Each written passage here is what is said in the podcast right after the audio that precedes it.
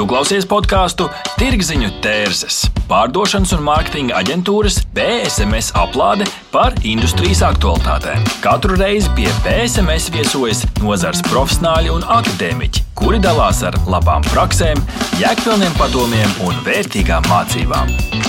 Aiziet! Šodien Tirziņu tērzes studijā Līva Rudzona. Esiet sveicināti 99. epizodē. Šodien runāsim par NFT un Web3 mārketinga rīkiem. Mūsu studijā ir Janīna Vinklere, Vividlī Space līdzdibinātāja, digitālā mārketinga pasniedzēja Šveices biznesa skolā, Women in Web3 Switzerland uh, kopienas mārketinga komandas vadītāja un Web3 NFT veidotāja un aktīva lietotāja. Sveika! Sveika, Līva! Lielas paldies, prieks būt te. Paldies par uzaicinājumu. Lūdzu, pastāst varbūt sākumā, kāds ir tas tavs stāsts, kā tu nonāci vispār līdz tam, ko tu dari dari, jo tas vismaz manā skatījumā ir diezgan unikāli un diezgan tāds atsvaidzinošs uh, skats no tāda mārketinga puses, kā to tādu savu nišu atrast un jau tik agri savā ziņā. Stāsts ir uh, kopumā garāks. Desmit gadus esmu customer facing roles, jeb uh, klientu attiecību uzturēšanas dažādos veidos, kā sales un marketing, account management, business development. Bija arī kopienas vadītāji un veidotāji lielā korporācijā. Kopiena bija vērsta gan uz iekšēju kopienu veidošanu ar darbiniekiem simts dažādās valstīs, gan arī ārēji.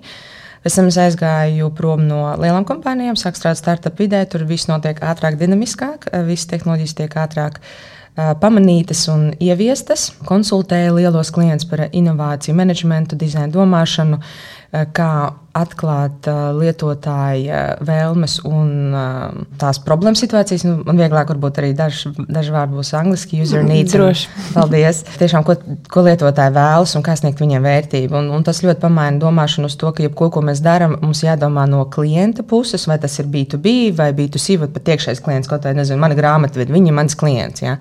Nu, iekšējā komandā. Kā man viņu strādāt, lai viņai būtu procesi ērtāk, vieglāk. Tās metodas, tie piemēri var jebkurā industrijā tikt izmantot. Strādāju arī digitālo transformāciju, mākoņu tehnoloģiju adaptāciju kopumā pēdējos 5-6 gadus, dažādos rakursos, gan no sava MBA, kuras rakstīju.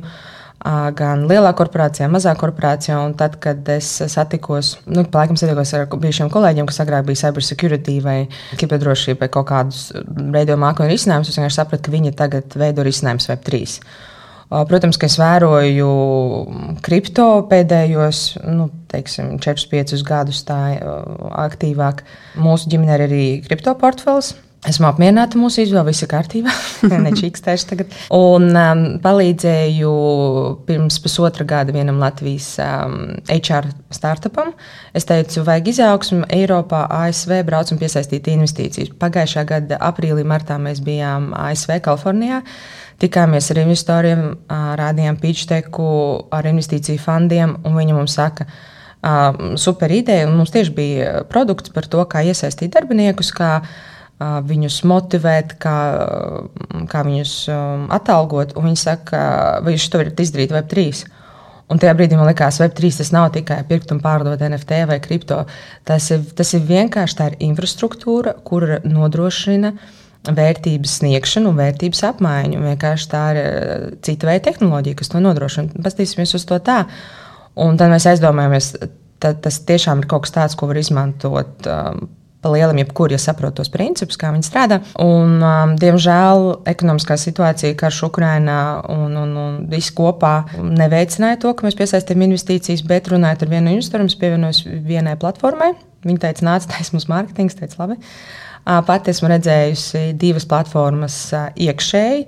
Tiešām kāda ir arhitektūra, kā tiek arī mākslīgais intelekts pieslēgts, cik liels komandas strādā un taisa platformas, kuras pēc tam var integrēt ar, piemēram, jebkuru tā, web2 vai tradicionālo kompāniju, mākoņu tehnoloģijām, ar datu bāzēm klientu.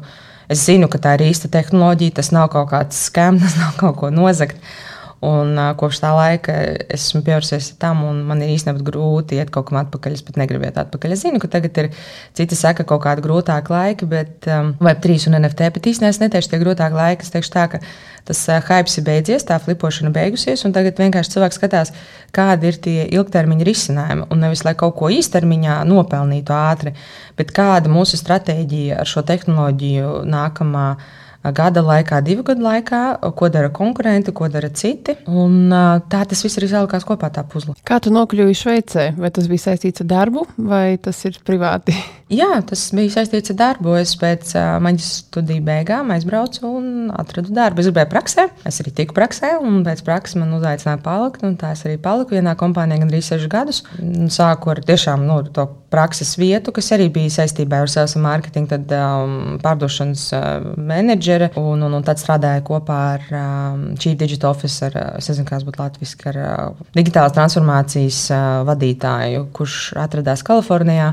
Eh, viņam bija superīga arī Kalifornijā komanda, un kurš tā laika sapratu, ka viena no vietām, kur inovācijas eh, attīstās, veidojās un, un kuras tiek tā no nulles um, uzceltas un, un, un izveidojas jaunas kompānijas, tā ir Kalifornija. Tāpēc man, protams, tāds mīļš atmiņas, un, protams, skatos, ko tur cilvēki dara un kur, kurās tehnoloģijās viņi investē. Salīdzinot to, un tā kā skatoties nedaudz no malas uz Latviju, kā tu vērtē kā, to attīstību vai to tempu, kāds ir Latvijā, Baltijā, salīdzinot ar to, ko tu redzi, teiksim, Šveicē vai vispār Rietumē, Eiropā vai, vai Amerikā? Kur lai sāk? Es teiktu tā, Latvijā, Baltijā pirmais bija.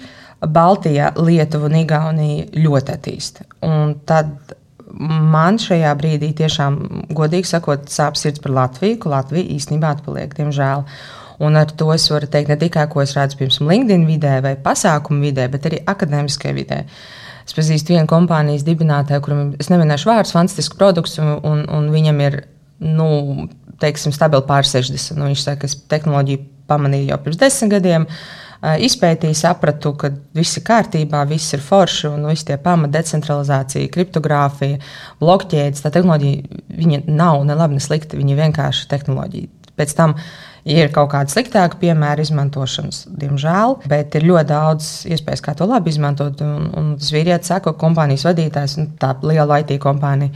Viņš runājas ar Igauniem, viņi to saprot, viņi to attīst, un mēs arī zinām Lietuvā. Ar, Viņi izvirzīja sev kā mērķi, ka viņi būs fintech. Viņiem ir um, 7000 darba vietu, vismaz, jā, ko mēs te, kā Latvijas blokķiežu attīstības asociācija to redzam. 20 miljoni jaunu, teiksim, tā radīta uzņēmumu peļņu. Es nesaprotu, es neesmu atkodus, kāpēc Latvija vēl, vēl nav, paskatoties pa labi, pa kreisi. Jā vēl nav šo visu pieņēmusi, vai, vai tā nopietnāk sākusi eh, dot iespējas attīstīt. Bet es domāju, ka tas drīz notiks. Jā.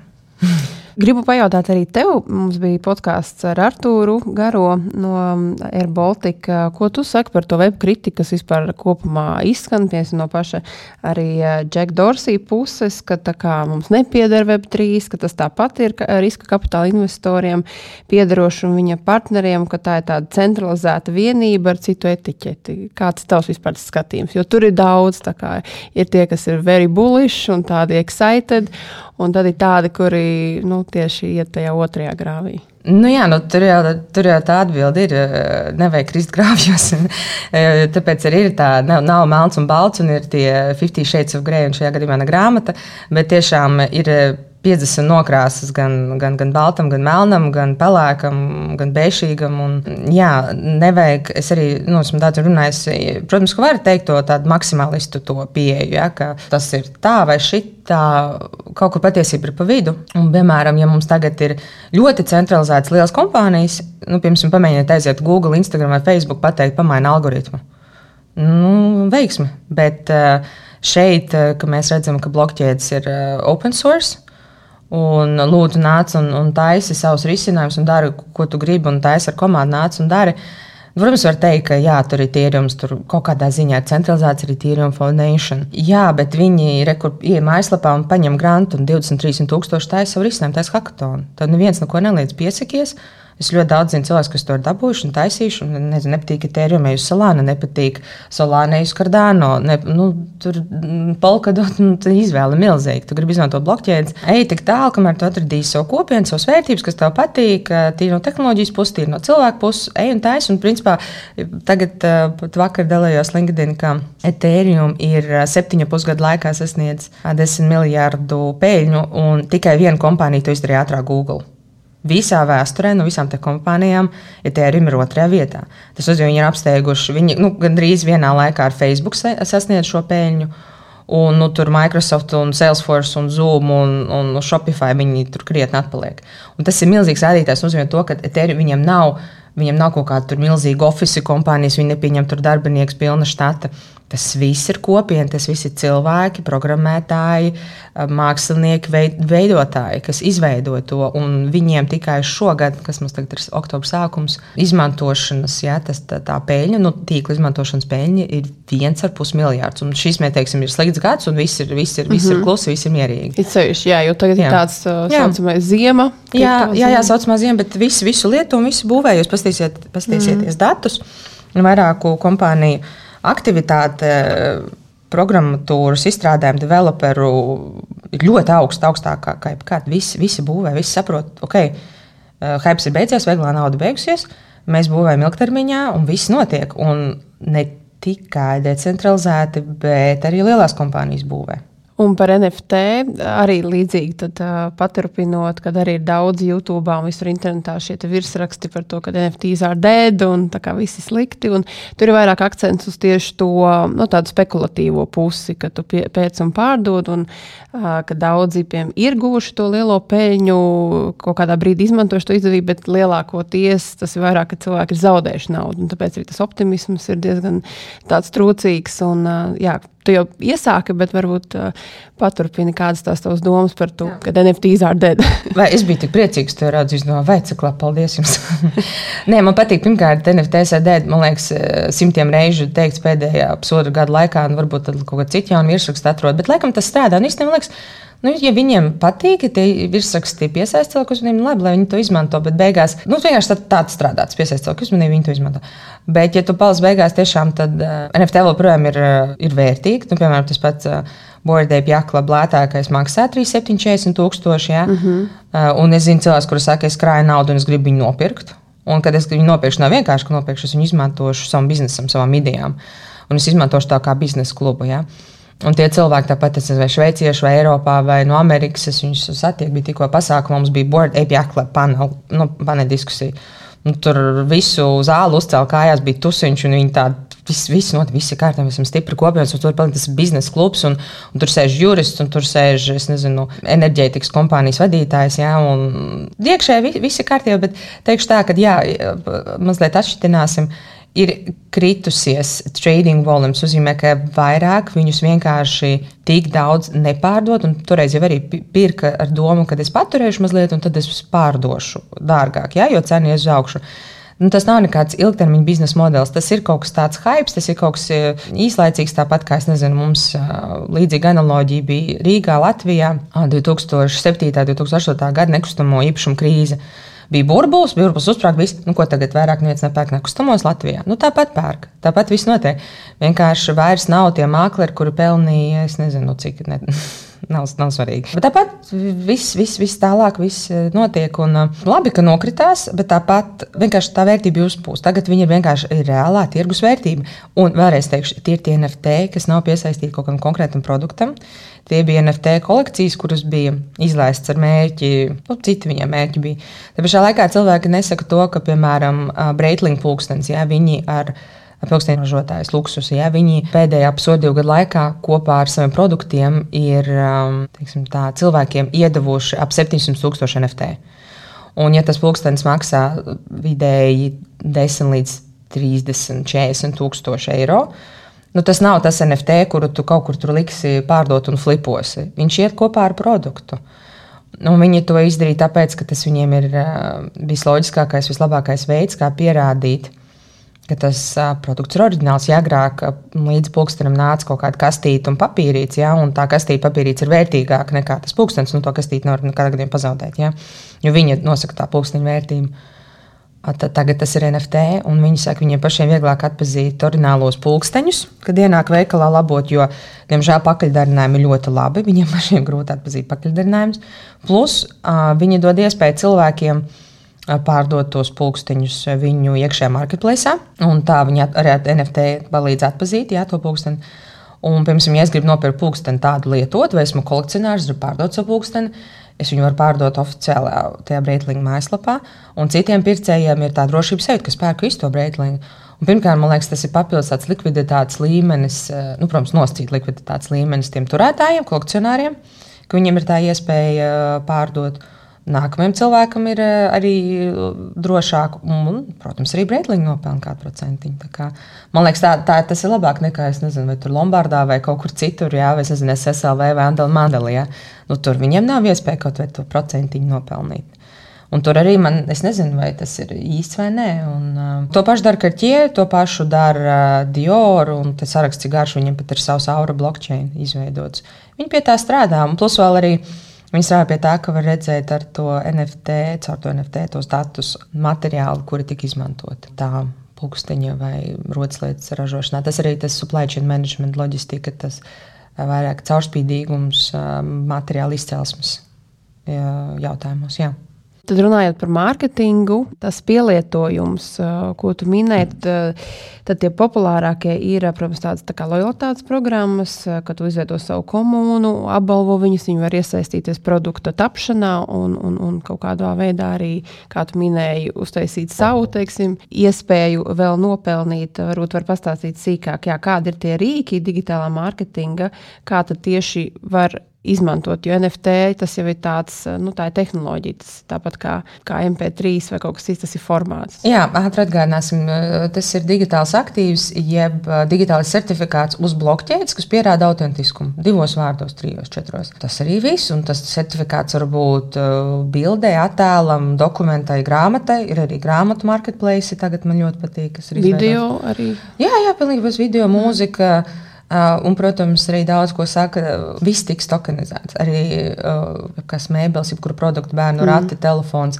Jo mēs jau pirms tam mēs paņēmām pulksteņu piemēram. Tas pats jau NFT var iet līdzi uh, jebkurai precei kā čeks. Un, uh, Tas čeks ir telefonā, un pēc tam pirms, vēlreiz vieglāk ar to garantiju pierādīt, ka es tiešām esmu pirkus, pieslēdzos. QR kodu noskanēja veikalā, un viņi redz, nezinu, bērnu rati, nu tagad maksā 1000 eiro. Ja? Un vieglāk arī viņus pārpārdot citiem. Tad viņi redz, vai esmu viņus pirkusi pirms diviem gadiem vai pirms pusgada. Un, um, tas var būt telefonam, datoram, un uh, es arī tajā platformā, kur strādāju, viņi arī teica, tas būs garantijas čeks nu, tādām kurām precēm kaut kādu. Kā tu skaties, mēs nākotnē, es esmu lasījis par šo, nu, ka jā, par to tokenizēt var visu, vai arī īpašumus mēs varēsim. Jā. Mašīnas, jā. savus dzīvokļus, mājas. Jā, jā, jā, un to arī dara. Mm. Ar citu ir viens mm. latvietis. Uh, kurš dzīvo tagad Dānijā. Viņš taisa, jā, varu pēc tam arī. Mm, tagad neatceros vārdu, man liekas, Kristus vārdā uzvārdu neatceros, bet es varu pēc tam atsūtīt to kompānijas nosaukumu. Arī Latvijas blokķēžu attīstības asociācija ar viņu sazinājās un runāja. Varbūt viņš kļūtu par biedru un atbrauktu un, un pārunātu tālāk detaļas. Jā, jā, viņi dara, viņi to tagad dara Skandināvu tirgu. Uh, Uh, nu, divos vārdos, kā es sapratu, viņam tas nav NFT, bet tas ir tokens, un mm -hmm. viņi paņem nekustamo īpašumu, kas, piemēram, ir nu, tādā stāvoklī, kur vajag remontēt, atjaunot. Jābūt labai lokācijai, tas viņa nosacījums. Viņi to īpašumu tad, uh, nopērk un piedāvā tās īpašuma daļiņas jebkuram cilvēkam. Tas nozīmē, ka es varu nopirkt kaut kādu to īpašumu daļiņu. Tā viņi principā crowdfunding uztaisa. Un es varu būt investors vai, vai cilvēks no malas. Tad, uh, Attiecīgi viņi tad eh, par to eh, naudu īpašumu atjauno. Un uh, tad var saņemt dividendus. Nu, pārdodot, jā, atjaunojot, pārdodot. Jā, jā, -hmm. jā. bet uh, kopumā apstīsimies, uh, tad lielākās. Uh, Tagad, šogad, 2006. gadā, NFT pielietojums, kā izmantot dažādi zīmoli. Nu, tas ir, jā, protams, kā tā kopienas veidošana, sadarbības, membership, un tas ne tikai Tādējādi viņi arī var piedāvāt, kā mēs sakām, token gated pieredzes un arī ar Baltiku iekļaut to savā jaunajā plīnijas plānā, ko viņi burtiski nesen paziņoja pirms pāris nedēļām. Būs pieeja pasākumos tieši tiem NFT turētājiem. Protams, arī kopā radīšana, co-creation. To ļoti izmanto Nike un, un, un Lacoste un citas kompānijas. Vairāk tiešām, ka tie cilvēki var savu dizainu piedāvāt kompānijai, kopiena par to balso. Bet arī, pirmkārt, arī tas, ka varēs noteikt autentiskumu un to, to izcelsmi, cik bija piemēram, tādi, tādi produkti, vai 100 vai 200. Piemēram, Louis Vuitton ir ļoti labs piemērs, burtiski arī pirms pāris mēnešiem Farrell Williams. Tas slavenais reperis, kurš dzied, mm -hmm. Because I'm happy. Viņš izveidoja somu, no sākuma digitāli, un tad un tai somai ir tās īpašības, ka viņi var mainīt krāsu. Un, un, un arī pēc tam būs iespēja dabūt arī fizisko produktu. Nu, viens NFT maksāja dārgi, jā, 40 tūkstoši, apmēram 40 tūkstoši eiro. Bet uh, ir cilvēki, kuriem tas patīk, kuri nopirka. Un, uh, es domāju, tagad tā ir tāda kā smilškaste lieliem zīmoliem. Viņi var spēlēties ar to un piedāvāt un skatīties, kā reaģē. Lojalitāte Starbucks ļoti daudz zina par to, ka pērkot kafiju, tad viņi krāj tās viņu sauc digitālās markas. Tur ir um, dažādi interesanti uzdevumi jāizpilda vai, vai jāatbild uz kaut ko, un tad tā krājot tā, tās marciņas, tos punktiņus, tad var dabūt tur, piemēram, īpašu krūzi, kura būtu tieši tam cilvēkam dizainēta, kur nebūtu nevienam citam. Un jāmin tas, ka Starbucks ir viena no pasaulē labākajām, efektīvākajām web2 lojalitātes platformām. IT, nu, ļoti, ļoti, ļoti, ļoti daudz ir um, dabūjusi labus atzinīgus vārdus. Viņi tiešām strādā. Un, teiksim, tā, tā ir kompānija, kur daudz saka, ka tāpat nav kafijas kompānija. Kafejnīca tā ir IT kompānija, kur ļoti ir uz datiem orientēta un uz tehnoloģijām. Kuriem ir ļoti veiksmīga tagadējā um, aplikācija. Viņi bija viena no pirmajiem, kas sāk izmantot Web3 klientu iesaistē. Jā, viņi neliek tur visur NFT, NFT priekšā, viņi izvēlas citu pieeju. Viņi teica, tas ir digitāls markas, Jā, terms and conditions var atrast, ka tas ir NFT, un tur var redzēt, ka viņi izmanto poligonu. Tie, kas grib, tie, kas zina, tie, kam tas svarīgi, aiziet un atrod. Web3 zinātāji tāpat zina, ka tas ir Web3. Tiem, kuriem nepatīk domāt par tehnoloģijām, kā man arī ļoti daudz draugu ir, es viņiem saku, pirms strādāju māku tehnoloģiju, viņi saka, ar ko?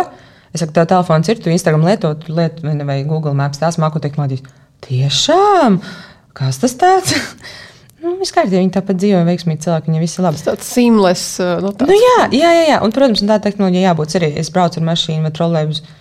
Es nezinu, detaļās, kā viņi strādā. Man vajadzēs salabot uh, mašīnai motoru, vai no eļļu mākus ieliet un riepas uzpumpēt. Tas arī vispārējais uh, man galvenais mācīt aizbraukt. Tāpēc uh, nu, ir jādod lietotājiem tā iespēja maksimāli viegli izmantot produktus un lai viņiem ir ērti. Uh, Bet ir arī, protams, cilvēki tajā burbulī, kur es dzīvoju, viņiem patīk saprast visu to, kas notiek teiksim, aizskatuvē.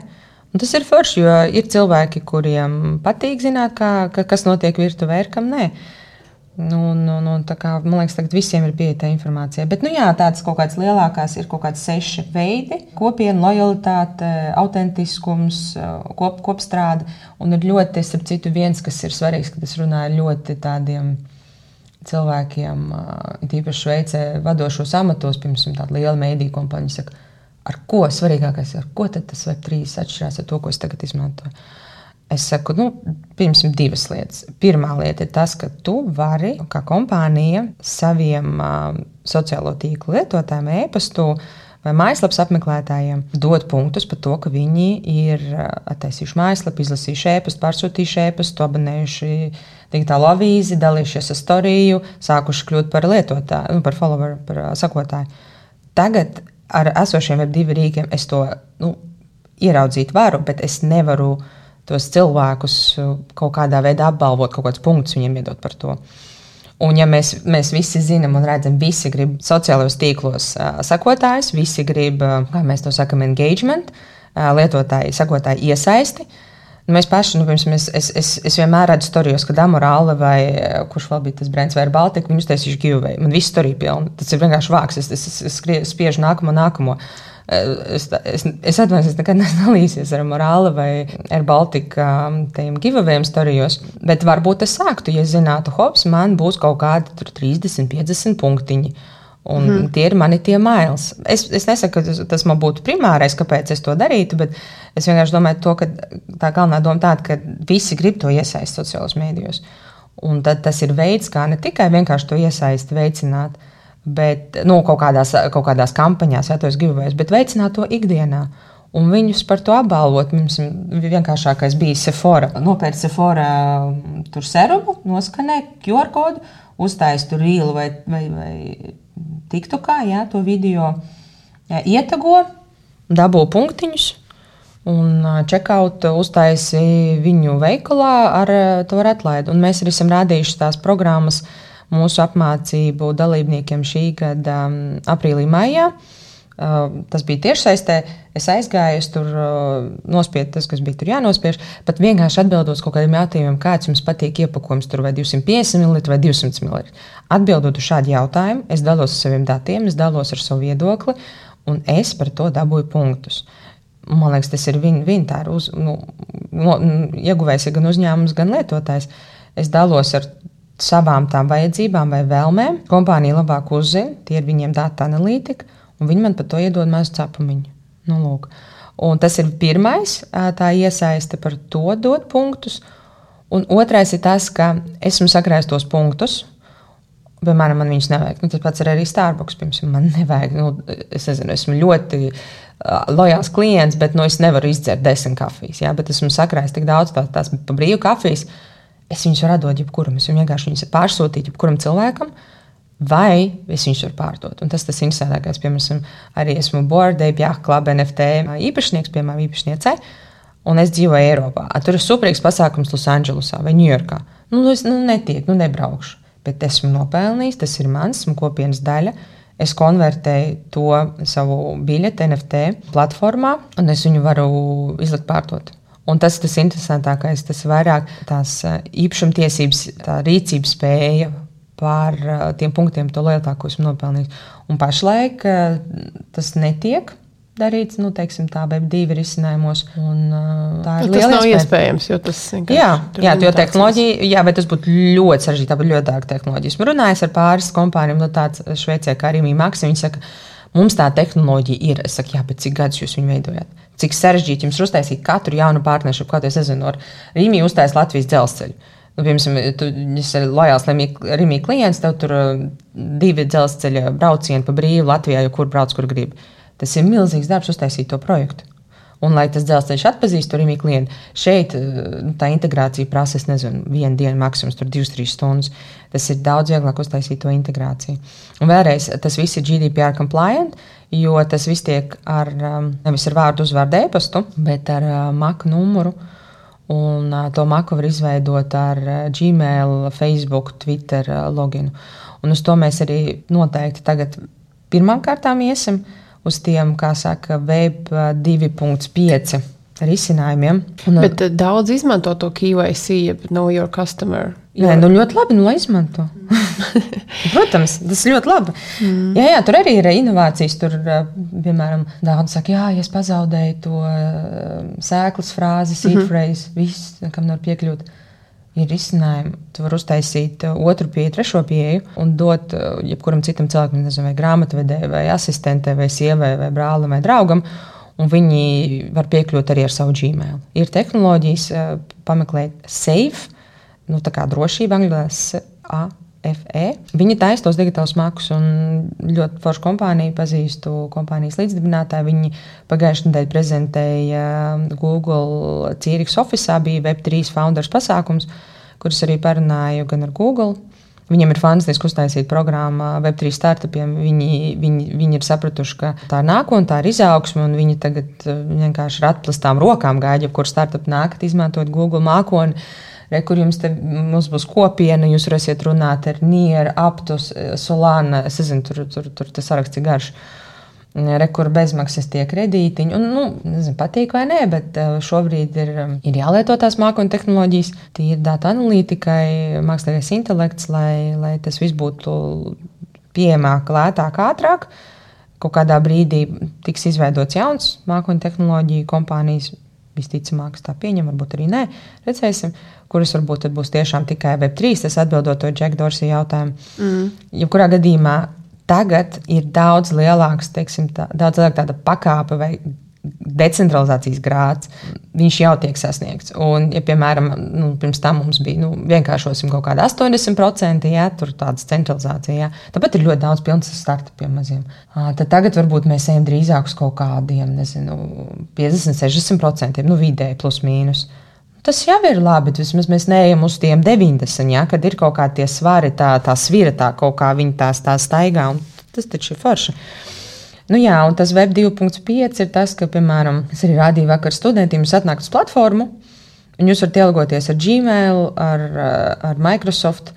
Vai ar savu digitālu kriptomāku metamās. Un var sākt ar vienu, pirms ilgoties ar Gmail, vienkāršāko opciju. Pēc tam, kad ar laiku cilvēks saprot, ah, tas ir kaut kas tāds, ko es varu ielikt savā kriptomākā, pēc tam vienkārši to pārsūtīt savu kriptomāku. Tā kā iespējas ir. Un, man liekas, tas svarīgākais ir alternatīvas iespējas. Tas viss, gan, gan kripto, gan visas šīs platformas, tas ir fantastiski, ka mums ir parādās aizvien vairāk veidu, kā darīt kaut ko citādāk. Tu pieminēji, ka e, ir GDPR compliant. Kāda varbūt vēl ir kaut kādi riski vai kaut kas, kas būtu jāņem vērā tīri no ētikas vai kaut kādiem citiem tādiem juridiskiem aspektiem, izvēloties nu, teiksim, kaut kādu projektu realizēt Web3? vai NFT? Nedēļas jautājums, tad nedēļa runās. Pasauciet juristu, viņa teiks, ka 20 lapas pušu līgums. Es arī pazīstu ļoti talantīgu profesionālu juristu. Šveicē, kur palīdz kompānijām, tieši startupiem, lielām kompānijām taisīt savus marketplaces. Daudz detaļas, protams, vienmēr iesaku atrast labu juristu, izvēlēties pareizās valsts likumdošanu. Piemēram, piemērs, ko viņa teica, Austrijas kompānija grib attaisīt to marketplace Lielbritānijā. Viņi hops izvēlējās Šveices jurisdikciju. Ja kaut kas notiek, kur mēs tiekamies, kurā tiesā vai pēc kuras valsts likumiem um, darbojas tas marketplace. No Eiropā mēs varam izvēlēties. Es strādāju vienu citu aģentūru, viņi izvēlējās uh, Portugāles likumdošanu.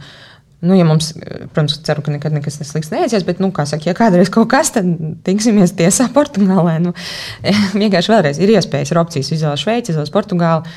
ASV tagad mēs zinām, ir sarežģītāk. Nu, nekas, nu, ir cits iespējas. Dubajā ļoti attīstās Web3 un NFT un, un, un kompānijas.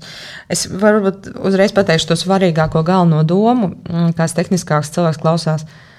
Šī ir vienkārši jauna infrastruktūra. Viss, kas tika uzbūvēts Web2, visi tie rīki, uh, lai veidotu risinājumus, low-code, no-code, eh, kubernetes konteineri, viss, lai veidotu platformas un, un startupus. Protams, uz citām vērtībām un, un, un citu loģiku balstīts, bet par lielu tā visa infrastruktūra tiek veidota Web3. Un Web3 pirmkārt jāliec kā infrastruktūra, kas ir kā tāda kārtaina kūka. Un, ja tu infrastruktūru sāk saprast, var veidot savus risinājumus, un tur ir ļoti, ļoti daudz iespēju. Un ne jau ar domu, ko mēs varam nokopēt no Web2, bet ar domu, ko mēs varam darīt labāk. Un, man liekas, ir tā viena no sfērām, kur man ļoti patīk un kur teiksim, tā, 95 līdz 99% pārliecības, uz ko var darīt labāk, ir NFT biļets. Jo tagad tas ir tik kaut kā, man liekas, komplicēti komplicēti un neefektīvi. Un, uh, man tas tracina visu tā pārpirkšana. Es uh, vēl klausījos vienu tavu interviju, jūs runājāt par metaversu. Tur bija tā, ka kāpēc nevar koncerti notikt tā kā metaversā? Jā, un ka tu, tu vari daudz vairāk sasniegt jā, jā, un nopelnīt. Un, jā, jā, jā. jā paralēli, protams. Un tas arī piemēram, tas, ko mēs darīsim University Switzerland. Um, mēs esam Šveice, un tur ir nu, salīdzinoši liela valsts, un nevar tik viegli izbraukāt. Tur no, no Ženēvas uz Cīriku tāpat ir trīs stundas. Uh, vilcienā, un ir, ir dienvidu daļa Ticino, Lugano, kur ir milzīga kopiena arī Web3 un Bāzela, un, un, un cirka kaut kur pa vidu bērnu, bet vienalga. Un mēs tiekamies mītā, mums ir Cīrihē, Ženēvā un citur. Nu, nu, nu nevar izbraukt, tāpēc mums būs, mēs strīmosim metaversu telpā, mēs esam izdevuši metaversu telpu. Ne tikai tas, mums būs vispār atsevišķi jauna pasākuma sērija metaversu telpā. Un tas būs paralēli. Mums būs uh, klātienes tikšanās, un mums būs arī pasākuma metaverss. Protams, ka tur mēs varam aicināt cilvēkus. Mēs, mēs arī ļoti draudzējamies ar uh, Women in Blockchain, kas ir Ņujorkā veidot. Fantastiski cilvēki, fantastiskas uh, sievietes, kurām ir superīgas kompānijas izveidotas. Es skatos, un es citu lūdzu bez nekādiem ageismiem. Šis nav tikai jauniešiem, šis ir nopietni. Es runāju ar sievieti, nu, es nezinu, nu, teiksim tā, viņai starp 50 un 60. Es ceru, ka vairāk par 60. Viņi saka, es desmit gadu blokķēdēs, rekomendācijas uzņēmums, mēs darām to un to. Viņi nav tikko ielikusi. Pirmkārt, tas nav dēļ tā, ka ir hype. Viņi jau tur ir nu, teiksim, 80 gadus. Un viņi taisa tehniskos risinājumus un, un uzlabo. Un man ir ļoti daudz cilvēki pazīstami Šveicē, gan sievietes, gan vīrieši, gan arī, lai kā viņi sevi identificē, kategorijā 40 līdz 60. Ļoti daudz. Es teiktu, mums ir. Eh, nu, tas nav nekāds jauniešu klubiņš. Nu, noteikti. Tas nav. Nu, tur ir visi laipni lūgt, neaicināt, bet tur ir cilvēki ar 20, 30 gadu pieredzi, kas vienkārši saka, bet eh, šis viss ir loģiski un šis viss ir.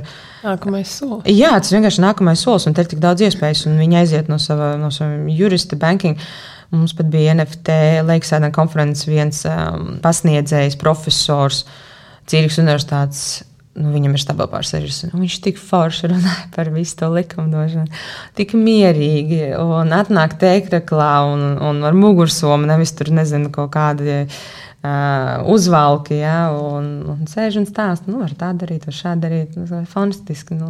Jā, nē, es aizmirsu pateikt par biļetēm. Nu, jā, jo kas man nepatīk, viss tā pārpirkšana, pārpārdošana par dubulto cenu, vai nu, vismaz dubulto ar NFT biļetēm, tad tas, tā kompānija vai cilvēks, kurš viņus izlaiž, viņš var uzlikt griestus, piemēram, var pārpārdot, protams, lūdzu, tā ir jūsu iespēja un tiesības, bet 10% vairāk, vai 20% vairāk, vai 5% vairāk, un to var mainīt. Var teikt, pēc pirkšanas uh, mēnesi vai divi, tad var vairāk pārdot. Nezinu, pēdējā nedēļa pirms koncerta tikai uh, 95% no cenas, piemēram. Nāc, verificējies manā platformā un pārdod manā platformā. Nevis kaut kur apkārt sūtīt kaut kāds PDF vai tur pie ieejas stāvēt. Un verifikācija ir caur telefonu numuru. Tas nozīmē, ka nevis vienkārši tur nu, pārsūta to PDF. Uh, tas ir viens, lai beigtos šis kaut kāds pārpirkšanas, pārdošanas bums. Dziesmu dēļ svētki tikko bija. Mēs redzējām, tas viss atkal bija briesmīgi, klasika. Es ceru, ka kāds klausās, kas veido šos dziesmu dēļ svētkus. Un vēlreiz šie risinājumi nemaksā miljonu. Nu, nē, nu, lūdzu, startupi pilns. Es jums nosaukšu divus.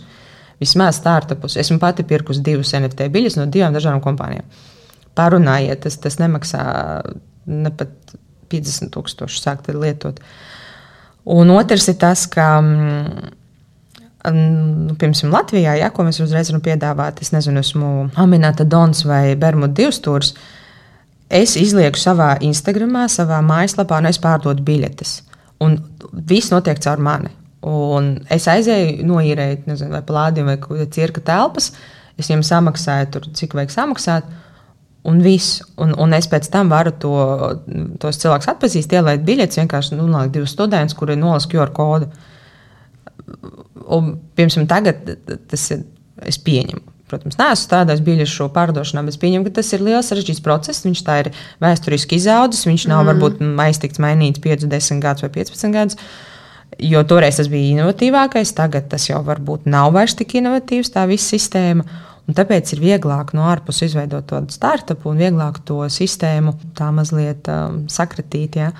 Un tas pats notiek arī banku vidē. Es pazīstu ļoti daudz cilvēku, un visi tie kredīti, visi UBS vienkārši vēsturiski izveidojas ļoti sarežģīts, liels, uh, neefektīvs IT sistēmas, un viņi paši viņas maina, bet tas ir ilgs un lēns process. Tāpēc ir arī ļoti daudz, piemēram, revolūtu. Nu. Kaut vai arī starptautiskie maksājumi. Cik tas uh, laika aizņem, cik tas maksā, ka tur ir, uh, kā, tev ir uh, jāiesaldē nauda uz kaut kādu konkrētu laiku, kamēr viņš tiek kā, saskaņots, pieskaņots, pārsūtīts.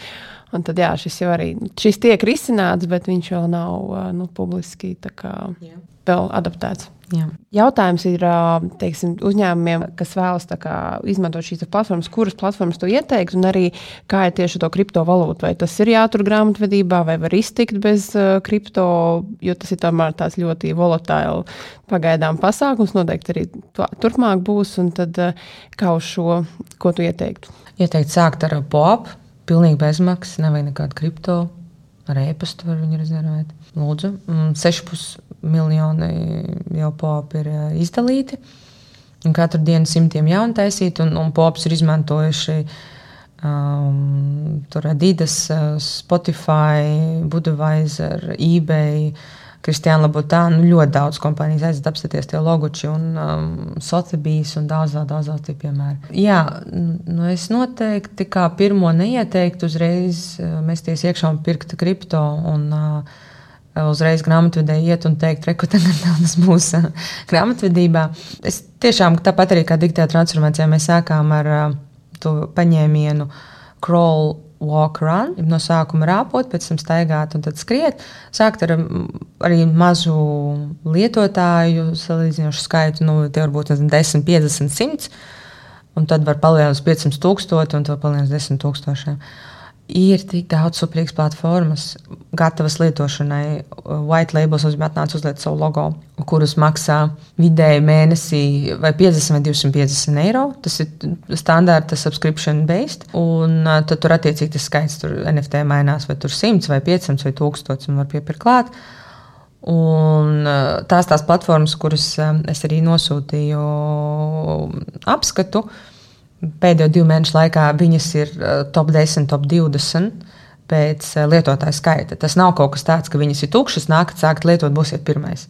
Tās ir top platformas, kuras izmanto jau top. Um, Nu, ļoti liela zīme, un pirms tā otrajā vietā, kas tagad ir, viņi izmanto viens no zināmākajiem Francijas ziepju un kosmētikas ražotājiem. Vienkārši vēlreiz kaut kāds piemērs. Tas nav tikai kaut kādam līvu tonam vai Adidas vai nē, cilvēks paklausīsies, dos, ak, Dievs, nu, lielās kompānijas viņam tā nav, taču nav kur likt vēl L'Oreal. To izmanto iepriekšētais, uztaisītu cits, lai uztaisītu cits pieejas, lai izveidotu to saikni ar klientiem, lai būtu kaut kas jauns, interesants, lai viņus apbalvotu. Un eh, noteikti sākt ar to, bastīties, kā iet, ir ļoti daudz risinājumu. Un, eh, nu, jā, es saprotu, ka, protams, tas ir sarežģīti. Bet, nu, ja kāda kompānija ļoti vēlās, eh, ka saka, mēs, mēs taisam, mēs taisam kārtīgi, nu, tad ir arī noteikti iespējas. Un ir talantīgi cilvēki, kuriem esmu runājis, viņi saka, mēs palīdzam. Man, nu, protams, tajā Šveices universitātē, Svitzerlandē, tajā kopienā vienmēr kāds pajautā, man vajag kādu juristu, man vajag kādu grāmatu, vai iesaka, un viņiem ir mūsu visu sakārtot. Tā kā var atrast arī cilvēks.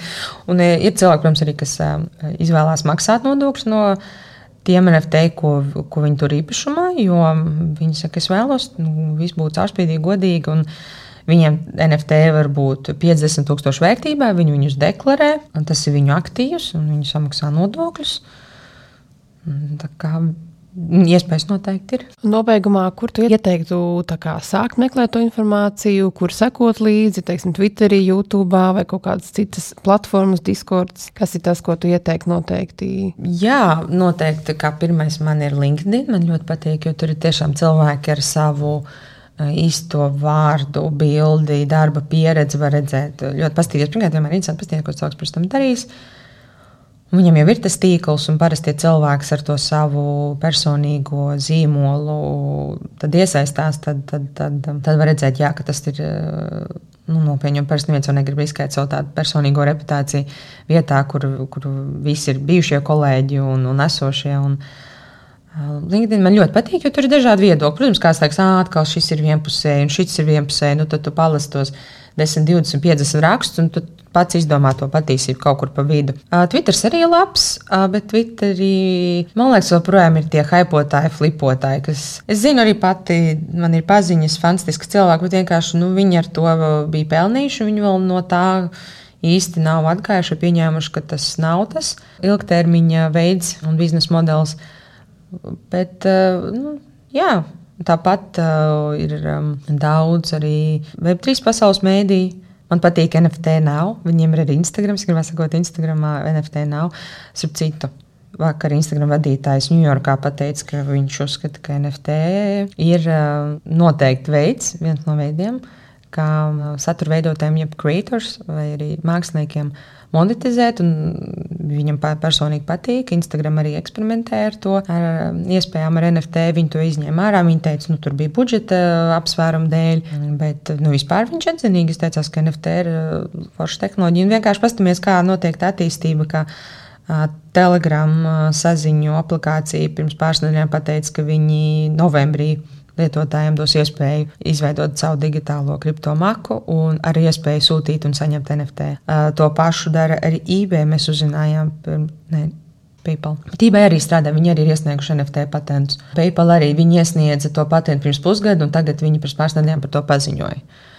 Un uh, tad, principā, mēs paskatāmies, un X, X, Twitter, liela viņi arī dara to pašu. Un mēs vienkārši redzam, ka visas tās kompānijas īstenībā visas jau ir atklāti ir paziņojuši, ka viņām būs tā iespēja. Tā kā te jau var izvēlēties ne tikai starp kaut kādām jaunām platformām. Bet um, arī starp esošajām, nu, ja viņi dos to iespēju, protams, cilvēki kaut ko sāk sūtīt apkārt, tad mēs te sēžam kā uzņēmumi un domājam, ko mēs darām, kā mēs tās iespējas izmantojam. Un tāpat paiet tie 3-4 mēneši, kamēr kaut ko izplāno, stratēģiju ievieš. Un tad, um, tad jau mēs redzēsim, cik tālu tas aiziet. Bet iespējas būs. Es domāju, ka kaut ko cilvēki jau sāks pārsūtīt. Un par telegramu mēs runājam, tie ir 800 miljoni lietotāji šobrīd. Un viņi saka, ka nākamo 2-3 gadu laikā viņi grib būt 1,5 miljards lietotāju telegramu aplikāciju. Nu, tad, tie, tad viņa stratēģija ir iet šo virzienu. Nu, jā, protams, un tu esi tāds PayPal, tu skaties, nu, ja Telegram to dara, nu, man arī cēlums, ap cik PayPalam ir savs stablecoin. Un PayPalam ir jādomā, jo šovasar es gribēju no savas Šveices bankas konta aizsūtīt draudzenei Latvijā 20 eiro, man PayPal paprasīja kaut kāds 2-3 eiro par transakciju. Es aiztaisīju aplikāciju ciet. Kas? Nu, nē, ne, nebūs. nebūs caur PayPal. Nē. Jo es viņiem pētāju, tā Revolut ir nē, nav. Un PayPal ir, ah, nu labi. Un es teicu, es labāk caur banku. Es tam jā, arī apstāstu, cik banka paņēma to transakciju. Jā, nu šeit arī šajā finanšu sfērā esmu daudz nu, par to lasījis un pētījis. Tur tieši ir daudz risinājumu jau. Nu, it kā viņi saka, ka Eiropas Savienība ir bezmaksas sūtījums, bet um, jāpapēta. Jā, nu vienkārši tā apkopot to visu. Ja agrāk mums bija tādi mazie tādi, tādi kartona papīrīši no kafejnīcas vai no solārija vai no skaistumsalona, kur mēs vācām tās marciņas, ja? un ai, es aizmirsu mājās vai vēl kaut ko tādu. Tagad tas viss ir digitāli. Es vācu tās savas marciņas, 3, 4, 5, 10. Un, ja pirms man pietrūks dažas, es varu pateikt, nezinu, Līva aizdod man divas, trīs tvirliekas, un Līva paņem man pārsūtās marciņas. Un, Vai es viņus varu izlikt pārdot? Es nezinu, tur akcija beigsies līdz kaut kādam 10. oktobrim, vai es nezinu, es nebūšu Rīgā. Jā. Es paņemu izlieku viņus pārdot kādam citam. Un plus vēl vienkāršākais tas, ka viņas būs savā starpā vieglāk atpazīstamas. Nu, Zinu, izklausās tas traki, bet uh, ir fantastisks platformas kompānijas, kurām esmu runājis un kuras saka, Tas būs tādā līmenī, ka ar hauniem punktiem var samaksāt zāra, vai ar rīmī punktiem var samaksāt maksimumu.